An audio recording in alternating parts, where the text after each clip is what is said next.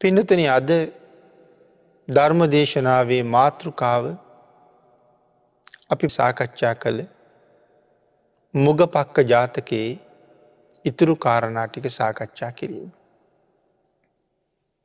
මේ මුගපක්ක ජාතක කතාව මහබෝසතාණන් වහන්සේගේ අභිනිෂ්ක්‍රමණය සම්බන්ධයෙන් දේශනා වුණ ජාතක කතාවක් බව මුල් දේශනාවන්ගෙන් අපි පැහැදිලි කළා.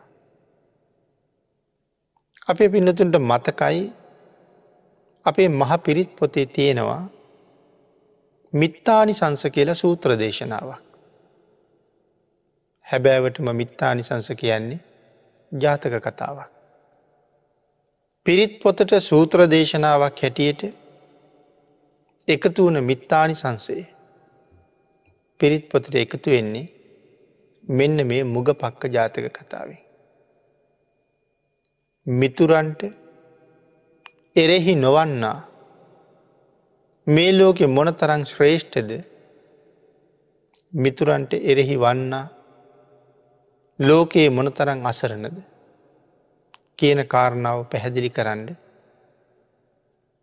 තේමිය කුමාරයාව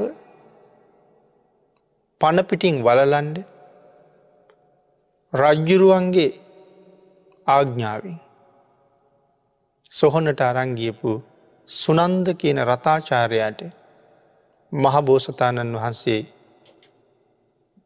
දේශනා කරපු ගාථාටික. මෙහි පළවෙනි ගාථාව සඳහන් වෙනවා පහූත බක්කෝ භවති බිප්ප උත්තෝ සකාගර බහූනං උපජීවන්ති යෝමිත්තානං නදූපති. මෙ තමයි මිත්තානිසංස පළවෙනි ගාථාව. පිනතින මේ ගාථාරත්නය පිළිබඳව සෑහෙන විස්තරය අපි තුන්වෙනි ධර්මදේශනාවිදි සිදු කළා. එතකොට මේ මිතුරන් හැටියට මේ ලෝකෙ කවුරු ගැනද සඳහන් කරන්න කියන කාරණාවත් කෙටියෙන් මතක් කළා. අම්ම තාත්තත් මෙතන මිතුරෙක් හැටියට සඳහන් කරන්න පුළුවන්. මව්පියන්ට යමෙක් එරෙහි වන්නේ නම් ඒකත් මිත්‍ර දෘහී බව. තමන්ගේ ස්වාමියාට එරෙහි වන්නේද තමන්ගේ බිරිඳට එරෙහි වෙනවද තමන්ගේ ගුරුවරයට එරෙහි වෙනවද තමන්ට මග නොමග කියල දෙන කෙනාට එරෙහි වෙනවද. ඒක මිතුරාට එරෙහිවීමක්. මේ සියල්ලට ඉහෙලින් මෙතන කතා කරන්නේ බුදු පසේ බුදු මහරහතන් වහන්සේලාට විරුද්ධ වෙන එකත් මේ මිත්‍රද්‍රෝහි කර්මයට මයිති වෙනවා. තවත් විදිහකට සඳහන් කළුත් තමන්ව යහපතිහි පිහිටවන්ඩ. ලෝක සත්වයා නිවැරදි මාර්ගයේ පිහිටවන්ට. පවට බය කරල පිනෙහි ආදීනව කියලදීල දුගතියට හැරුණ මිනිස්සු සත්වයා සුගතිය පැත්තට හරවන්ඩ යම් කෙනෙක් කටයුතු කරනවාද එවන් කල්්‍යාන මිත්‍රයන්ට විරුද්ධ වෙන එක මිත්‍රද්‍රෝහි කර්මයයි. එතකොට පහූත බක්කෝ භවති විප්ප උත්තෝ සකහගරා බහූනං උපජීවන්ති යෝමිත්තානං අදූපති. මේ කාරණාව අපි විස්තර කළා. දෙවනි ගාථාව සඳහන් වෙනවා. යංයං ජනපදං යාති නිගමේ රාජධානියෝ සබ්බත්ත පූජිතෝ හෝති යෝමිත්තානං නදූපති කියලා. පිනතන මේ කාරණාව අපි ටිකක් විස්තර කළුත් යමෙක් මිත්‍රද්‍රෝහී නොවන්නේ නං ජනපදයකට නියම් ගමකට රාජධානයකට ගියේද ඒ සියලු තැනදීම ඔහුට ගරු බුහුමන් ලැබෙනවා. පූජකෝ ලබතේ පූජන් වන්දකෝ පටිවන්දන. පූජා ලබන්ඩ සුදුසු අයට වැඳුම් පිදුම් කරන්ඩ සුදුසු අයට. අපි පූජා කරනවන වැදුම් පිදුම් කරනවන ඒ අයටත් ආපව් හම්බින්න මොනවද ඒ අයටත් හම්බවෙන්නේ ගරු බොහොම. ඒ අයටත් හම්බවෙන්නේ පුද පූජා. ඒ අයටත් හම්බවෙන්නේ වන්ද නමාන. එනි සයිමතන සඳහන් කළේ යමෙක් මිත්‍රයන්ට ද්‍රෝහී නොවන්නේද. එනම් බුදු පසේ බුදු මහරහතන් වහන්සේ ලගින්දලා මේ අති උත්තම රතනයන්ට තමන් යහපතෙහි පිහිට වන උත්තමයන්ට ද්‍රෝහි නොවෙනවනං අන්න එවන් අය යම් ජනපදයකට යම් නියම් ගමකට යම් රාජධානීකට කොතනට යනවද ඒ අයි හැම තැනම ප්‍රසංසාම ලබනෝ. ගරු බුහුමම්ම ලබනෝ. විශේෂිත පුද්ගලයෝ බවටම පත්වෙනවා. කියන කාරණාවයි මෙතන සඳහන් කරන. පින්නතින මේ කාරණාව විස්තර කරන්න පැතිකඩවල් ගණනාවක් පෙන්නන්න පුළුවන්. භික්‍ෂූන් වහන්සේ. භික්‍ෂූන් වහන්සේල කියල කියන්නේ එමත මහා සංගරත්නය කියල කියන්නේ. දිවි හිමියෙන් බුද්ධරතනයටත් ධර්මරතනයටත් අනුව තමන්ගේ ජීවිතයේ පවත්වනවා කියලා ප්‍රතිඥ්ඥාදීලා ශාසනයට ආපු වීර්යවන්ත උත්තමයන්ට කියනවා මහා සංඝයා කියලා. කාටද ප්‍රතිඥ්ඥා දෙන්නේ බුද්ධරත්නයටයි ධර්මරතනයටයි. බුදුරජාණන් වහන්සේට පොරොන්දුවක් වෙනවා. භාග්‍යතුන් වහන්සේ යමක් දේශනා කළාද ඒ දේශනාව මම ඉක්මවන්නේ නෑ. භාග්‍යතුන් වහන්සේ යමක් මේ ලෝකෙ අනුමත කළාද ඒ සියල්ලම මං අනුමත කරනවා යටත්වෙනවා. මෙන්න මේ දේවල් හොඳ නෑ මේ දේවල් නොගැලපෙනවා මේ දේවල් නොකළ යුතුයි මෙසේ නොවිය යුතුයි කියලා බුදුරජාණන් වහන්සේ යම් තැනක දේශනා කළාද භාගිතුන් වහන්සේ විසින් පිළිකුල් කළ ප්‍රතික්ෂේප කළ කිසිම දෙයක් මගේ ජීවිතයට එකතු කරගන්න. එනම් බුද්ධ රතනයටයි ධර්මරතනයටයි අනුව ජීවත්තෙන්ට එහෙම ප්‍රතිඥා දුන්න කෙනාට කියනවා මහා සංග කියලා. එතකොට බුද්ධරත්නයට ධර්මරත්නයට ගෞරව සහිතව අවවාදය මත පිහිට පුත්තමයන් මෙතන සඳහන් කලා වගේ ජනපදයකට ගියත් ගමකට ගිය නියන් ගමකට ගිය රාජධානයකට ගිය මොනෝද ලැබෙන් දැකපු දැකපු තැන වඳිනවා. දැකපු දැකපු තැන ගෞරව කරනවා. නිවසකට වැඩියත් දෙපා දෝවනය කරලා මනා ආසන පිළියල කරලා සුදු පිරුවට එලලා වඩා හිඳවලා පසඟ පිහිටෝල වැඳල තමයි අනික් අවශ්‍ය කාරණා කතා කරන්න. තවත් සැදැහැවත් අය කරුණු කාරණා බොහොම දන්නාය මහා සංගරත්නය නිවසකට වැඩියහම වන්දනා කරලා ආයාචනාවකුත් කරනවා. ස්වාමීණී ඔබවහන්සේලා වැඩඉන්න මොහොත දක්වා. නැවත ආපහු වඩිනතුරු මේ නිවස ඔබවහන්සේලාට සංඝාවාසයක් වේවා.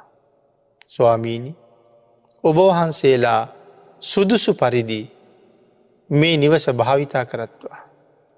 පහසු පරිදි මේ නිවස තුළ කටයුතු කරත්වා. එහෙම පූජා කරනවා.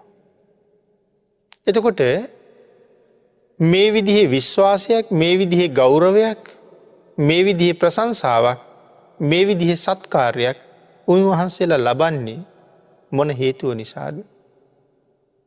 ලොවතුරා බුදුරජාණන් වහන්සේට ගරු බොහොමන් කරන නිසා. බුද්ධ වචනයට ගරු කරන නිසා. භාග්‍යතුන් වහන්සේට අනුව ජීවිතය පවත්වන්ඩ පොරොන්දු වෙලා ඉන්න නිසා. රජ්ජුරුවන්ගේ රාජමාලිගාවට ගියත් සිංහාසනය ඉන්න මහරජ්ජුරුවොත් භික්‍ෂූන් වහස දැක්කහම නැගිටිනවා. කරන කටයුත්ත පසක තියල ඇවිල්ල වන්දනා කරලා විශේෂ කටයුත්තක යෙදිලනං ස්වාමින් වහන්සේලාට සලකණ්ඩ අන්න අයට අනු දැන කරුණු මෙනෙහි කරලා මම අහවල් විශේෂ කටයුත්ත නිමා කරලා ඉක්මනට එන්නම් කියලා තමයි රජ්ජුරුත්යන්නේ. ඒ ගියත් මහ සඟරුවන මාලිගාවට වැඩල නිසා සමහරලාට පැයෙන් කරන්න තිබිච්ච වැඩේ පැය භාගෙන් කරලා පහු වෙනවා.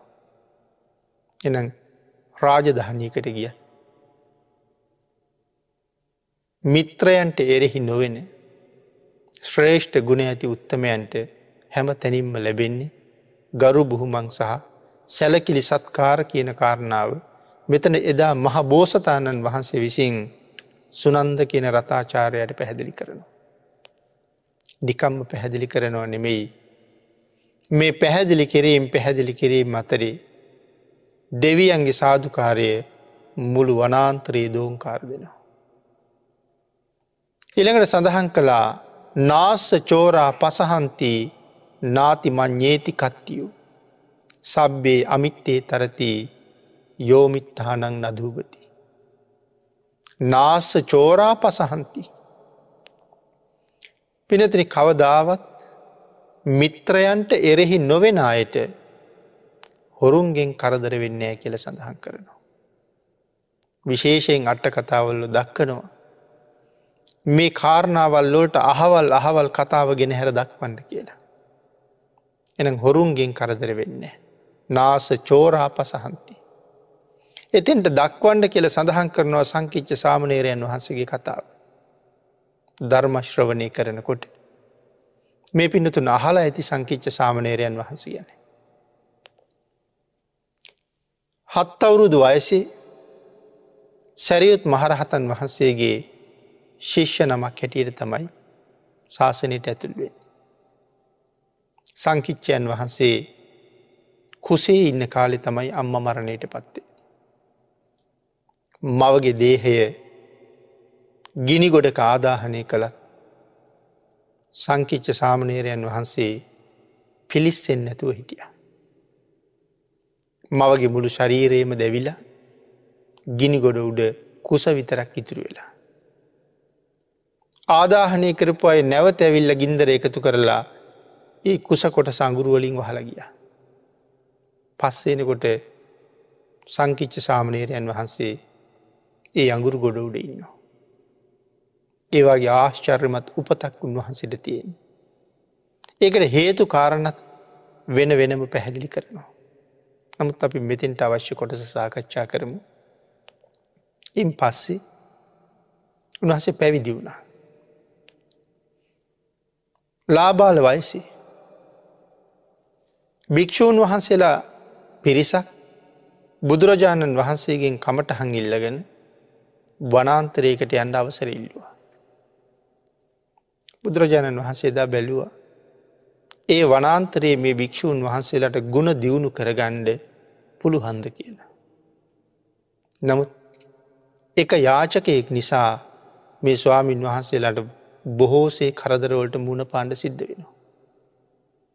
ඒ කරදරවලින් උන්වහන්සේලා බේර ගණ්ඩ නං මුන් වහන්සේලත් එක්ක සංකිච්ච සාමනේරයෝ යායුතුයි කියල බුදුරජාණන් වහස තීරණය කළා. අර භික්‍ෂූන් වහසලට ඒ කාරණා සඳහන් කරන්නේ නැහැ. කමටහන ලබල දිල සඳහන් කළා සාරිපුත්තයන් වහන්සේ මුණ ගැහිලම යායුතු තැනට පිටත්තෙන්ට කියලා.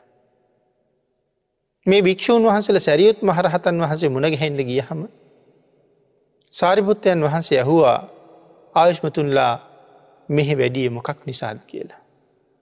ස්වාමීණි අහවල් වනාන්තරයට භාවනා කරන්න කමටහන් අරගෙන වඩින් ලෑස්ති වෙනකොට බුදුරජාණන් වහන්සේ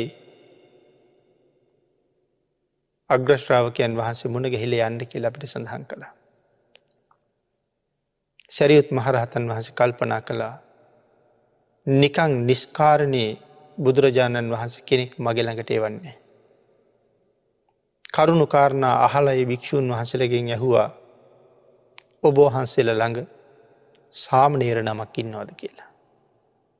නෑකීවා. එහෙනම් මේ සාමනේර නම එක්කරගෙන යන්න කියලා සංකිච්චයන් වහන්සේ ලෑස්ති කරල දුන්න.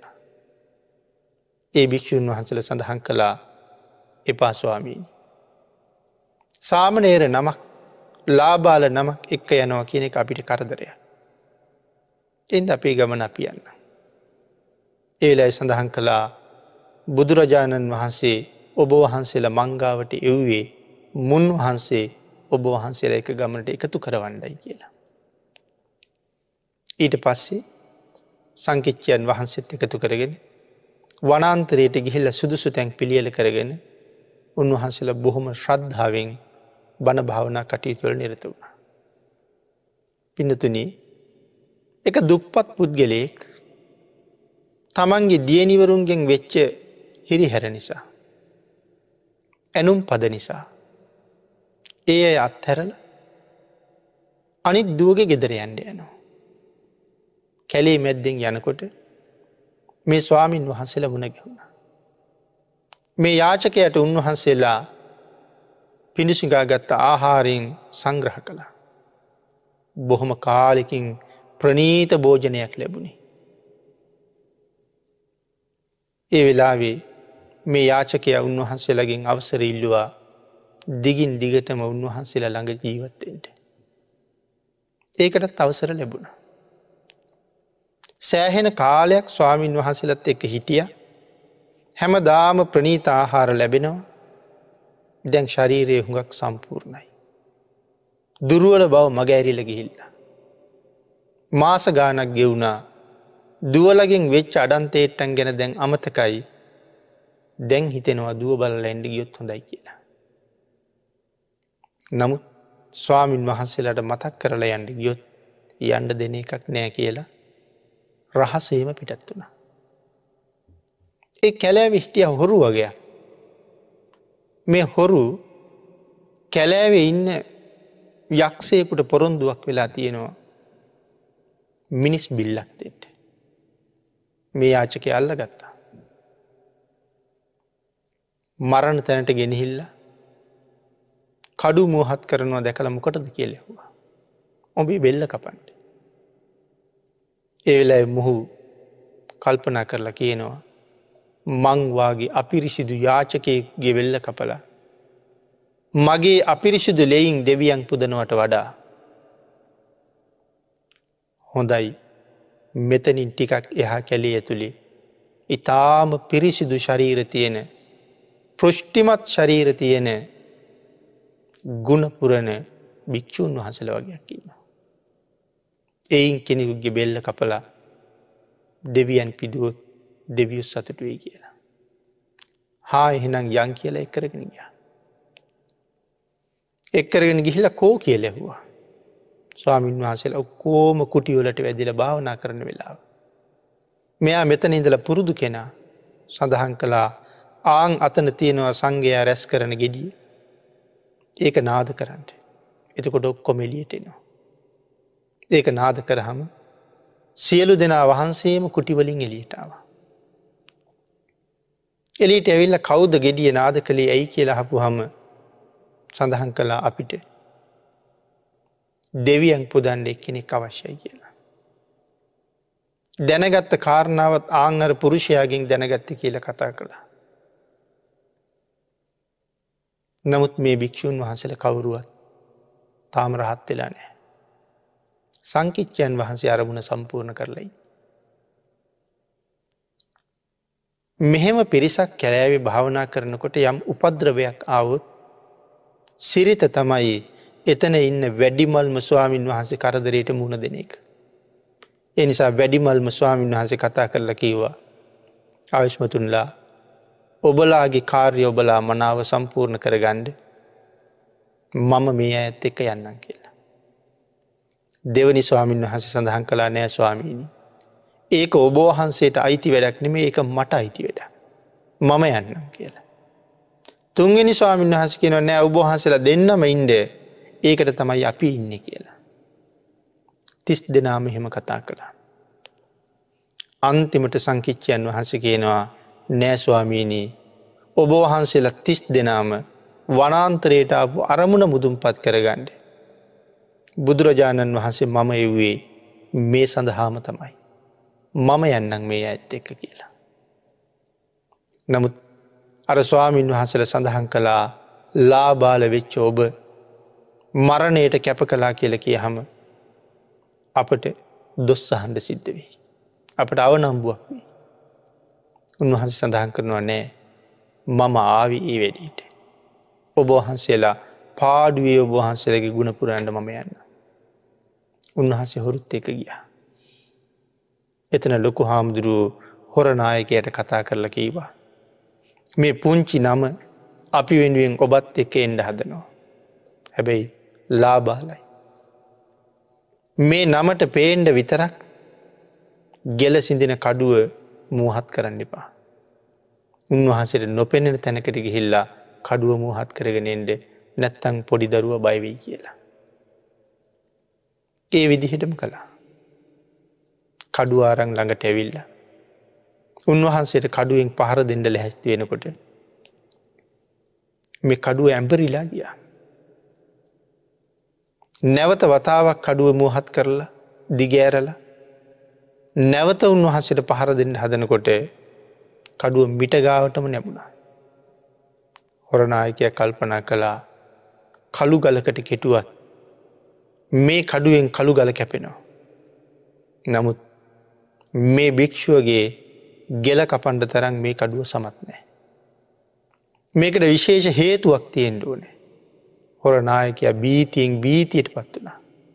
කඩුවල්ලලා විසි කරලා උන්වහන්සළඟ දනගහගන අනේ ස්වාමීනී මරණයට මේ තරං නිර්භීතව මූුණ දීලා ඉන්න ඔබහන්සේ නිර්භය වුණේ කොහොමද මරණය ළඟ.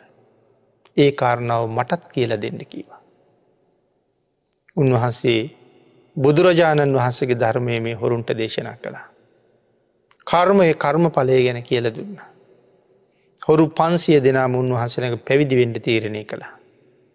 සංකිච්චයන් වහන්සේ දන්නවා. මාව මෙතෙන්ට එවපු මගෙත් එක වනයට අපපු භික්‍ෂූන් වහන්සේලා භාවනාවක් නං නෑ මට වෙන වින්නහිය ගැන කල්පනා කර කර දුක්කෙනවා. උන්වහන්සේලා ළඟට ගිහිල්ල මගේ ජීවිතය නැතිවුණේ නෑ කියලා උන්වහන්සේලට කියල මේ පිරිසත් අරගෙන බුදුන් දකිින්ට යනවා කියල කල්පනා කළා.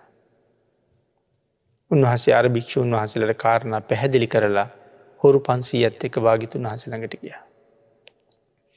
එතකොට හොරුන්ට බැරිවුණා උන්වහසට කරදරයක් කරන්නට. ඇයි මිත්‍රද්‍රෝහි කර්මයක් සංසාරයේසේ මෙසේ කාලයක කරලනෑ. නාස චෝරා පසහන්ති හොරුන්ගෙන් පීඩා සිදුවෙන්නේ නෑ. නාති මං්්‍යේති කත්තියූ සබ්බේ අමිත්තේ තරති යෝමිත්තානං නදූපති සඳහන් කළා රජයෙන් කරදරයක් වෙන්නෙත් නෑ කියලා. ඒ පිළිබඳව පැහැදිලි කරන්න ජෝතිය සිටිතුමාගේ වස්තුව පැහැදිලි කරන්න කියල දේශනා කරනවා. රජයෙන් කරදරයක් වෙන්නෙත් නෑ කියනෙක්. ජෝතිය සිටතුමා කියල කියන්නේ මේ ශාසනයේ මහාපුුණ්‍යවන්තයෝ පස් දෙනෙක් හිටිය එ පස් දෙනාගෙත් පළුමුුවනියා කියල කියන්න පුළුවන් කෙන. මේ ජෝතිය සිටිතුමා කොහොම ජීවිතයක් ගත කලාද. බිම්බිසාර රජ්ජිරුවන්ගේ රාජ්‍යය තමයි මේ ඇයින්නේ. ජෝතිය සිටු මාලිගාව තනිකරම මැනික් කොලින් නිර්මාණය කරලතින්. මැනික් ප්‍රාකාරෝලින් වට කරලා තියෙන මැනික් ප්‍රාකාර හතක් මාලිගාව වටයට බැඳලතිනවා. එක දවසක් බිම්බිසාර රජ්ජුරුවන්ට මේ මාලිගාව ගැන අහන්ඩ ලැබිලා රජ්ජුරුවන්ට හිතුන බලන්න ඇන්ඩුවන කියලා. සිටතුමාට පනිවිඩයක් යවල මාලිගාව බලන්න කියා. මාලිගාවේ දොරකඩට ගොඩ වුණා විතරයි එතනින් එහාට යන්ට රජ්ජුරු බයයි. හේතුව රාජ සිටු මාලිගාවේ මුළු පොළොවටම මැනික් තමයි අල්ලලතිී. ඒ හින්ද බිම බලහම අර මැනික් ගල්වලින් මහ ලොකු ආවාට තමයි යටට පේෙන්. රජ්ජුරුවන්ගේ කල්පනාව රජ්ජුරුව මේ ආවාටවල වට්ටලා මරන්ඩද කියලා. එහින්ද ඉස්සරහට අඩියක්වත් තියන්නේ බයි. සිටිතුමා ඒ වෙලා වෙළඟට ඇවිල්ල මහරජ බයවෙන්ඩිපා මගේ පස්සෙන්ෙන්ට. සිටිතුමා ඇවිදිගෙන යනවා. ඒ පස්සෙන් රජ්ජුරෝ යනවා. මුළු මාලිගාවම ලස්සන නැරබවා. එක වෙනම විස්තර කරන්න තියෙන කාරණාව. අන්තිමට රජ්ජරුවන්ට හරි ආසයි මෙවන් මාලිගාවක ඉඳලා කෑම වෙලක්කන්ට. සිරිතුමාට සඳහන් කලා සිටිතුමනී අද දවල් කෑම අපිට මෙහෙන් නේද කියලා. මහරජ සියල්ල සූදානන් කරලයිතිය. සිටිතුමා කෑමට කලින් ගන්න ආහාරයක් රජ්ජිරුවන්ට ගෙනත් දුන්න හම ඒක අග්‍රභෝජනයක් වගේ රජ්ජුරු වලදන්නේ. නමුත් ටිකක් වලඳ හමකිව මහරජ ඇති මෙයින් පස්සෙ වලඳන්ට තව ආහාරතියනවා.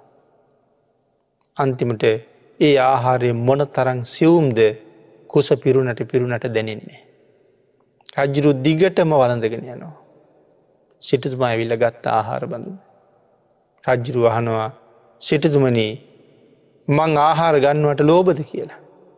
සිටතුමා සඳහන් කළන්න හැ. ඔය ආහාරය උච්චරම වලඳගෙන ගිහිල්ලා ඔබෝහන්සට කරදරයක් වුණොත් මට චෝදනාවක්කෙයි මහරජ්ජිරුවන්ට කෑමදීල මරාගත්ත කියලා. දෙං වැළඳුව ඇති කියලා. එත් තරම්ම සැප සහිත යාහාරය. ඊට පස්සේ රජ්ජුරුව සඳහන් කළා සිටතුමනි මම ඇවිල්ල සෑහෙන වෙලාව තාම ඔබේ බිසව දැක්කිනය කියලා. ස්වාමී නික්මට එන්ඩ කියන්න. ගිහිල්ල බිසවට කතා කළා රජ්ජුරු ඇවිල්ල ඉන්න එන්ඩ යන්ඩ කියලා. ජෝතිය සිටු බිසවහනවා රජ්ජුරුව කියන්නේ කවුද කියලා. ඒ අපේ නායකය කියල කිව්වා. ඇය ඒ වෙලාවෙ සඳහන් කළේ එහෙනම් අපි තවත් කෙනෙක් යටතඉන්නේ. අපි පින් කලා මදී අනුන්ගේ යටතෙමයි ජීවත්වෙන්නේ තාමත් කියලා. නමුත් ළඟට ආවහම මොනවද කරන්න ඕනි ස්වාමීනි මං කිය ලැහුව සිරිතුමා වටහපතක් අතට දීල කියනවා මහරජ්ජිරුවන්ට ටිකක් පවංගහන්න කියලා. වටහපතින් පවන් සලනකොට රජ්ජුරුවන්ගේ ඔටුන් තියෙන මානික්‍ය වලින් දුම් නැගුණ කෙල සඳහන් කරනවා. ඒ දුම නිසා ඇගේ ඇස්වලින් කඳුළු වැැක් කෙරෙන්න්න ගත්තා. ඇගේ ඇස්වලින් කඳුළු වෙනවා දැකලා රජ්ජුරුව කියනවා මහසිරිතුමනි කාන්තාව කොහොමත් ටිකක් ලෝබයි. මේ වෙලාවෙ ඔබේ බිසවත් බයෙන් වගේ ඉන්නේ රජ්ජුරුව සිටු මාලිගාවත් පත් කරගනී කියලා. ඇයට කියන්ඩ ඔබේ මාලිගාව මම ගන්න නෑ කියලා. ඒලා විසිටතුමා සඳහන් කළා අනේ මහරජතුමනි අනුකම්පා කරන්නට. ඇගේ ඇස්වලින් කඳුළු වෙන්නේ එහෙම හිතල නෙමේ. මැගේ ඇස් දෙකට කවදාවත් දුමක් වෙදිල නෑ. මහරජතුමනි මැය කවදාවත්ම ගිනිඑලියක් පහංගෙලියක් දැකල නෑ. ලිපක් ළඟ ගිනි මොලෝලා මොකොවත් උයලනෑ. රජ්ජුරු යහුව මේ මාලිගාව පහන් දල්වන් නැද්ද කියලා. නෑ මහරජතුමනි. මැය නිදාගන්නෙත් මැනික් වලේලියෙන් අවදිවෙන්නෙත් මැනික් වලේලියෙන් කෑමූ යන්නෙත් මැනික් කොල රශ්නය කියලා. ජෝතිය සිටතුමාගේ බිසව උතුරුකුරු දිවයිනින් දෙවිය විසින් ගෙනල්ල දීලතින්. ඇය එහෙන් එනකොට මැනික් ගල්තුනකුත් බත්තු වෙන වලඳකුත් තරංගාව. ඇල් හාලුත් එක්. ඒ හාල් මුට්ටියට දාලා මැනික් ගල් උඩ තියහම මැනික් ගල් රත් වෙලා බත ඉදිල නිමිලයනවා. ඒ උතුරකුරු දිවයිනේ කෑම හදන හැටි. ඇ කවදාවත් ගිනිියලිය දෙකලනෑ. විශාල මැනික්කොල එලියෙන් මුළු මාලිගාවම එලිය වෙනවා. රජ්ජුරු ඇහුව එහෙම මැනික් සිටිතුමාහනවා මහරජතුමනි දැකළ නැත්ත. සිටිතුමා ගෙට ගිහිල්ල. තියමරා ගෙඩියක් වගේ ලොකු මැනික් ගලක් ගෙනල්ලා මහරජ්ජුරුවන්ට දුන්නා අදින් පස්සේ මේ ගල මාලිගාවේලිය කරයි කියලා. එහෙම ජීවත් වන කෙනෙක් ජෝතිය සිටිතුමා. නමුත් ජෝතිය සිටිතුමාට බිම්බිසාර රජ්ජුරුවන්ගෙන් කවදාවත් කවදාවත් කරදරයක් වුණේ නෑ. බිම්බිසාර රජ්ජුරුවන්ට කවදාවත් ලෝභකමක් හිතුන්නෑ සිටිතුමා මරල සිටිතුමාගේ බිසව ගණ්ඩෝනි කියලා. බිම්බිසාර රජ්ජුරුවන්ට කවදාවත් හිතුන්නෑ මේ සම්පත් මටත් පත් කර ගණ්ඩෝනි කියලා. හැබැයි එදා රජ්ජුරුව යනකොට අජාසත්ත කුමාරයත් එක්ක ගිය. අජාසත්ත කුමාරයක් තව හුඟක් කුඩයි තාත්ත ගැඟිල්ල අල්ලගෙන තම ඇවිදින්න. නමුත් හිතුනා රජෙක් වෙලත් මගේ තාත්තා මොන තරං මෝඩද මේ මාලිගාව අත්පත් කරගන්නතුව තව මොනවද කරන්න කියලා. මම රජ වුණ දවසට මේ මාලිගාව මම අල්ල ගන්නවා කියල හිතුවා. බිම්බිසාර මහරජ්ජුරු අපවත් වුණ. අජාසත්ත කුමාරය රජ වුණ පස්සෙ කාලි දවසක ජෝතිය මාලිගාවත් පත් කර ගණ්ඩාව. නමුත් පින්නතන මේ මාලිගාව රැකවරණයට විශේෂ යක්ෂයෝ ඉන්නවා. පිටතම ප්‍රාකාරයත් ඉන්නවා යම කාලි කෙල යක්ෂේ. ඇ යටත විශාල සේනාවක්කින්න. රජ්ජුරුවත් එනෙ ලොකු සේනාවක් කරගෙන. රජ්ජුරුවන්ට ඇතින් පේනවා සිටු මාලිගාව ළඟත් විශාල සේනාවක් තමන්ගේ අය ළඟ තියෙන ආවිධ මාර්ගන බලානින්න යුද්ධට ලෑස්තිේලා. රජ්ජුරුව බය වුණ විශාල පිරිසක් ඉන්නවන. නමුත් එතන කවුරුවත් නෑ රජ්ජුරු අරං එන පිරිසම තමයි අර මැනික් වලට පරාවර්තනය වෙලා වීදුරුවකින් වගේ ආපහු රජ්ජුරන්ට පේෙන්. රජ පිරිසම තමයි ඒ පේෙන් වෙන පිරිසක් නෑ. නමුත් ටික වෙලාවක් බලාගෙන හිටපු යම කාලී කඩු අමෝරකන රජ්ජුරුව ඉස්සරහට පැන්න. රජ්ජුරුවන්ගේ පිරිස සීසීකට දීව. රජ්ජුරුව දුවනවා දුවනවා යක්ෂයත් පිටි පස්සෙන් එලෝනවා එලෝනවා බේරෙන්ඩම බැරිතැන රජ්ජුරූ ගිහිල්ල බුදුරජාණන් වහස ඉන්න තැන්ට දීවා. යනකොට ජෝතිය සිටතුමා බණහන. රජ්ජුරූ කියනවා මට විරුද්ධව යුද්ධ කරන්න පිරිසක් එහි සංවිධානය කරලා තියලා දැන් මෙතන උපාසක වගේ බණහනවාද කියලා. එවෙලා සිටිතුමා අහනවා මහරජය ජෝතිය මාලිගාව කොල්ල කණ්ඩවත් ගියාද කියලා. ඔහු කීවා. බුදුරජාණන් වහසිත් ඉන්න තැන බොරු කියන්න වැනි. කොල්ල කණ්ඩගයා කීවා. සඳහන් කලා මහරජ. එහි ඇති පිරිසක් නෑ. නමුත් මම අකමැති නං මගේ කිසි දෙයක් කාටවත් ගණ්ඩ බෑකිවා. රජ්ජුරුකිව බලාගමු හෙන කියලා. බලාගණ්ඩ කල් ගණ්ඩුවන් නෑ මහරජ. සිරිතුමා තමන්ගේ අතේ ඇගිලි ටික දික් කරලා කියනවා මේ ඇගිලිවල තියෙන මුදු ටික පුළුහන්න ගලවන්න කියලා.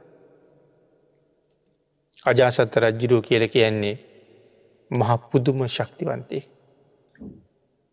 අජාසත්ත රජ්ජිරුවන්ගේ උපරිම ශක්තිය යොදලා ශරීරයෙන් දහඩිය නිකුත් වෙනකං ඇගිලිවල තියෙන මුදු ටික ගලවන්ඩ ලෑස්ති වුණා බැරි වුණ. බැරිද මහරජ කිය ලැහුව බෑකිවා. එහෙම නං මෙතෙන්ට ඔය උතුරු සලුවේලන්න කිවා. රජ්ජරුවන් ගුතුරු සලුව බිමේලලා ජෝතිය සිටතුමා ඉගිලි ටික පාත් කරහම් මුදු ටික ඔක්කොම උතුරු සලුවට වැටුණ. හඳහන් කලා මහරජ දැනගන්ට මම අකමැතිනන් මගේ කිසි දෙයක් කාටවත් ගණ්ඩ බෑ. නමුත් මගේ ස්වාමියයා රජ්ජුරූ කියල කියන්නේ. ස්වාමයා ස්වාමයාගේ යටත ඉන්න මගේ වස්තුව කොල්ල කණ්ඩාවනං එවන් රජෙක යටතේ තවමනව කරනවාද. කලකිරීමක් ඇතිවෙච්චි හින්දා රජ්ජුරුවන්ට කිව මහරජ මං මහන වෙනවා කියලා. රජ්ජුරුවන්ට පුද්දුම සතුටක් දෙනුනේ යුද්ධයක් නැතුවම මාලිගාවත් පත් කරගණඩ පුළුවන්. එහෙම නැත්තම් මේවාගේ සිටුවරයකුට පහසුවෙන් මහනවෙන්ඩ අවසර දෙන්න බෑ. ඇයි මේ සිටුවරය යටසේ ලක්ස ගනන් සේවකයෝ ඉන්න. සිටුවරය මහන වුණොත් එ ලක්ස ගානට ජීවනෝපායන ක්‍රමය රජ්ජුරු හදන්ඩුවනේ. එහිද කැමතිවෙන්න නෑලේසියෙන් නමුත් මාලිගාව ගණ්ඩ හින්ද හා කිවා. ජෝතිය සිටතුමා මහන වෙලා රහත් වුණ. දෙවියන් විසින් මවල දුන්න මාලිගාව අතුරු දහන් වුණ. අර ලස්සන බිසව උතුරුකුරු දිවයිනින් දෙවිය විල් අරංගිය. අජාසත රජ්ජුරුවන්ට මොකොත් හම්බුන්නේ. මේ ඔක්කොම ජෝතිය සිටිතුමාගේ පිනට ලැබිල තිබුණ දේවල්. ඒ මොනෝ නිසාද පිනට ලැබුණේ පෙර බුදුරජාණන් වහන්සේ නමකට මැනික් මාලිගා හදල පූජ කරපු නිසා. ඒමනම් බුදු පසේ බුදු මහරහතන් වහන්සේලාට පෙර කරපු පින්කං මෙදා ජීවිතය උපරිමෙන් විපාකදීලා. බිම්බිසාර රජ්ජුරුව කිසි සේත්ම කරදර කළේ නෑ අජා සත්ත රජ්ජුරුව කරදර කරන්න ගියත් කරදරයක් උනේ නෑ ආගේ නිසා මෙතන සඳහන් කළා රාජ දහනයකට ගියත් රජයෙන්වත් කරදරයක් නං වෙන්න නෑ මිත්‍රද්‍රෝහී නොවෙන අයට කියලා. අපි මිත්‍රද්‍රෝහී නොවෙනවනං රජ්ජුරුවන්ගෙන් කරදරයක් වෙන්නෙත් නෑ. ඊළඟට සඳහන් කලා සියලු සතුරන්ම ජයගන්නවා කියලා. සබ්බේ අමිත්තේ තරති යෝමිත් අහනං නදූගති. කිසිම හතුරෙක් නෑ මිත්‍ර ද්‍රෝහී නොවෙන පුද්ගලයට. පිනතරින් මිත්‍ර ද්‍රෝහී නොවීම මොන තරං ශ්‍රේෂ්ඨද. එමනං අපි මිතුරන් කෙල සඳහන් කළේ බුදු පසේ බුදු මහරහතන් වහන්සේලා. හැබැ උන්වහන්සේලා මිතුරු කියලා මෙතන සඳහන් කරහම අර අපි කල්පනා කරන හිතන ලාබාල ස්වභාවයෙන් නං මිත්‍ර කියල කල්පනා කරන්න එපා. මෙතන මිත්‍රයි කියල කියන්නේ තමන්ට යහපතක් කරන කෙනාට. හැම වෙලාම සතරාපාය පැත්තෙන් අනි පැත්තට හරවන කෙනාට. දුගතියේ දොරවහලා සුගතිගාමී පැත්තට හරවන කෙනාටයි මෙතන මිත්‍ර කියල කිය. ඒකයි බුද්ධාදී මහෞත්තමයන් වහසල එක තැනින් එකට ඇවිල්ලයි. අම්ම තාත්ත කියල කියන්නෙත් දරුවන්ට උපරිම යහපතක් කරන්න බලාපොරොත්තු වෙන අය. මව්පියෝ පිළිබඳවත් කරුණුකා සාකච්ඡා කරන්න තැන මේ දේශනාව ඉස්සරහට එනවා. මව්පියෝ කොහොමද දරුවන්ට හැබෑම මිත්‍ර වෙන්න කියන කාරණාව එතනින් ගොඩක් කරුණු සාකච්ඡා කරන්න පුළුව. අම්ම තාත්තා මිත්‍රයින ඒ මව්පියෝ කරන්නෙම මේ දරුවන්ට සුගතියට යන්න පාර හදනෙක්. මෙන මේ නිසයි පෙන්වතන මේ මිත්‍රයා කියල හඳුන්වන්නේ. ධර්ම දේශනාවට තියෙන කාලයත් නිමාවෙන නිසා. මුගපක්ක ජාතක කතාවිදි මහබෝසතාණන් වහන්සේ තමන්ව වලලන්ඩ සූදානන් වෙන සුනන්ද නම් රතාචාරිවරය මිත්‍ර ද්‍රෝහියෙක් බවට පත්වෙයි කිය නිසා මේ කාරණාටික දේශනා කරන්න. ඇයි සුනන්ද මිත්‍ර ද්‍රෝහියෙක් වෙන්නේ සුනන්දට කියනවා මම වල්ලන්ඩිපා පණපිටි. මම පණපිටිං වලලනවා කියල කියන්නේ උඹ උඹේ මහරජ්ජිරුවන්ට ද්‍රෝහි වෙනවා. කෙනෙක් වෙහෙස නිමාගණ්ඩ ගහක් යට හිටියොත් ඒ ගහේ කොලයක්වත් කඩන එක සත්පුරුෂකමනමේ. අපි නං අතු පිටින් කපාගෙන ගියාට ධර්මය කියන්නේ හෙමයි. ඒ ගහේ කොලයක්වත් කඩන එක සත්පුරුෂකම නෙමෙයි. ඒ නිසා බෝසතණන් වහස සඳහන් කරනවා. මගේ තාත්ත කියල කියන්නේ මහගහක්. ඒ ගහේ පිහිට නිසා තමයි උඹ උඹේ මුළු ජීවිතයම පවත්වන්නේ. මම කියල කියන්නේ ඒ මහගහේ එක අත්තක් මං පණ පිටිං වලනව කියල කියන්නේ උඹ මිත්‍රද්‍රෝහියෙක්. ඒ කරුමය කරගණ්ඩ එපා කියල පැහැදිලි කරන්නයි මේ අපූරු දේශනාව තේමී කුමාරයා විසින් සිදු කරන්න. අපේ ජීවිතවලට බොහෝ කරුණු එකතු වෙන අපූරු කාරණා ටිකක්. පිනතුන ලැබිච්ච ශ්‍රේෂ්ඨ මනුස්්‍ය ජීවිතයෙන් බුදු පසේ බුදු මහරහතන් වහන්සේලාට කවදාවත් අකීකරු නොවී මේ සංසාරයේ පුළුහන්තරන් ඉක්මට කෙරවල කරන්න අවස්ථාව හදාගණ්ඩ ලැබුණේ මොහොතින් ලැබුණ අවස්ථාවෙන් ප්‍රයෝජන ගණ්ඩ අපි සියරු දෙනාටම රත්නත්‍රී ආශිරවාදයෙන් ශක්තිය දහිරිය භාග්‍ය වාසනාව උදාවේවා කෙන ආශිර්වාද කරන.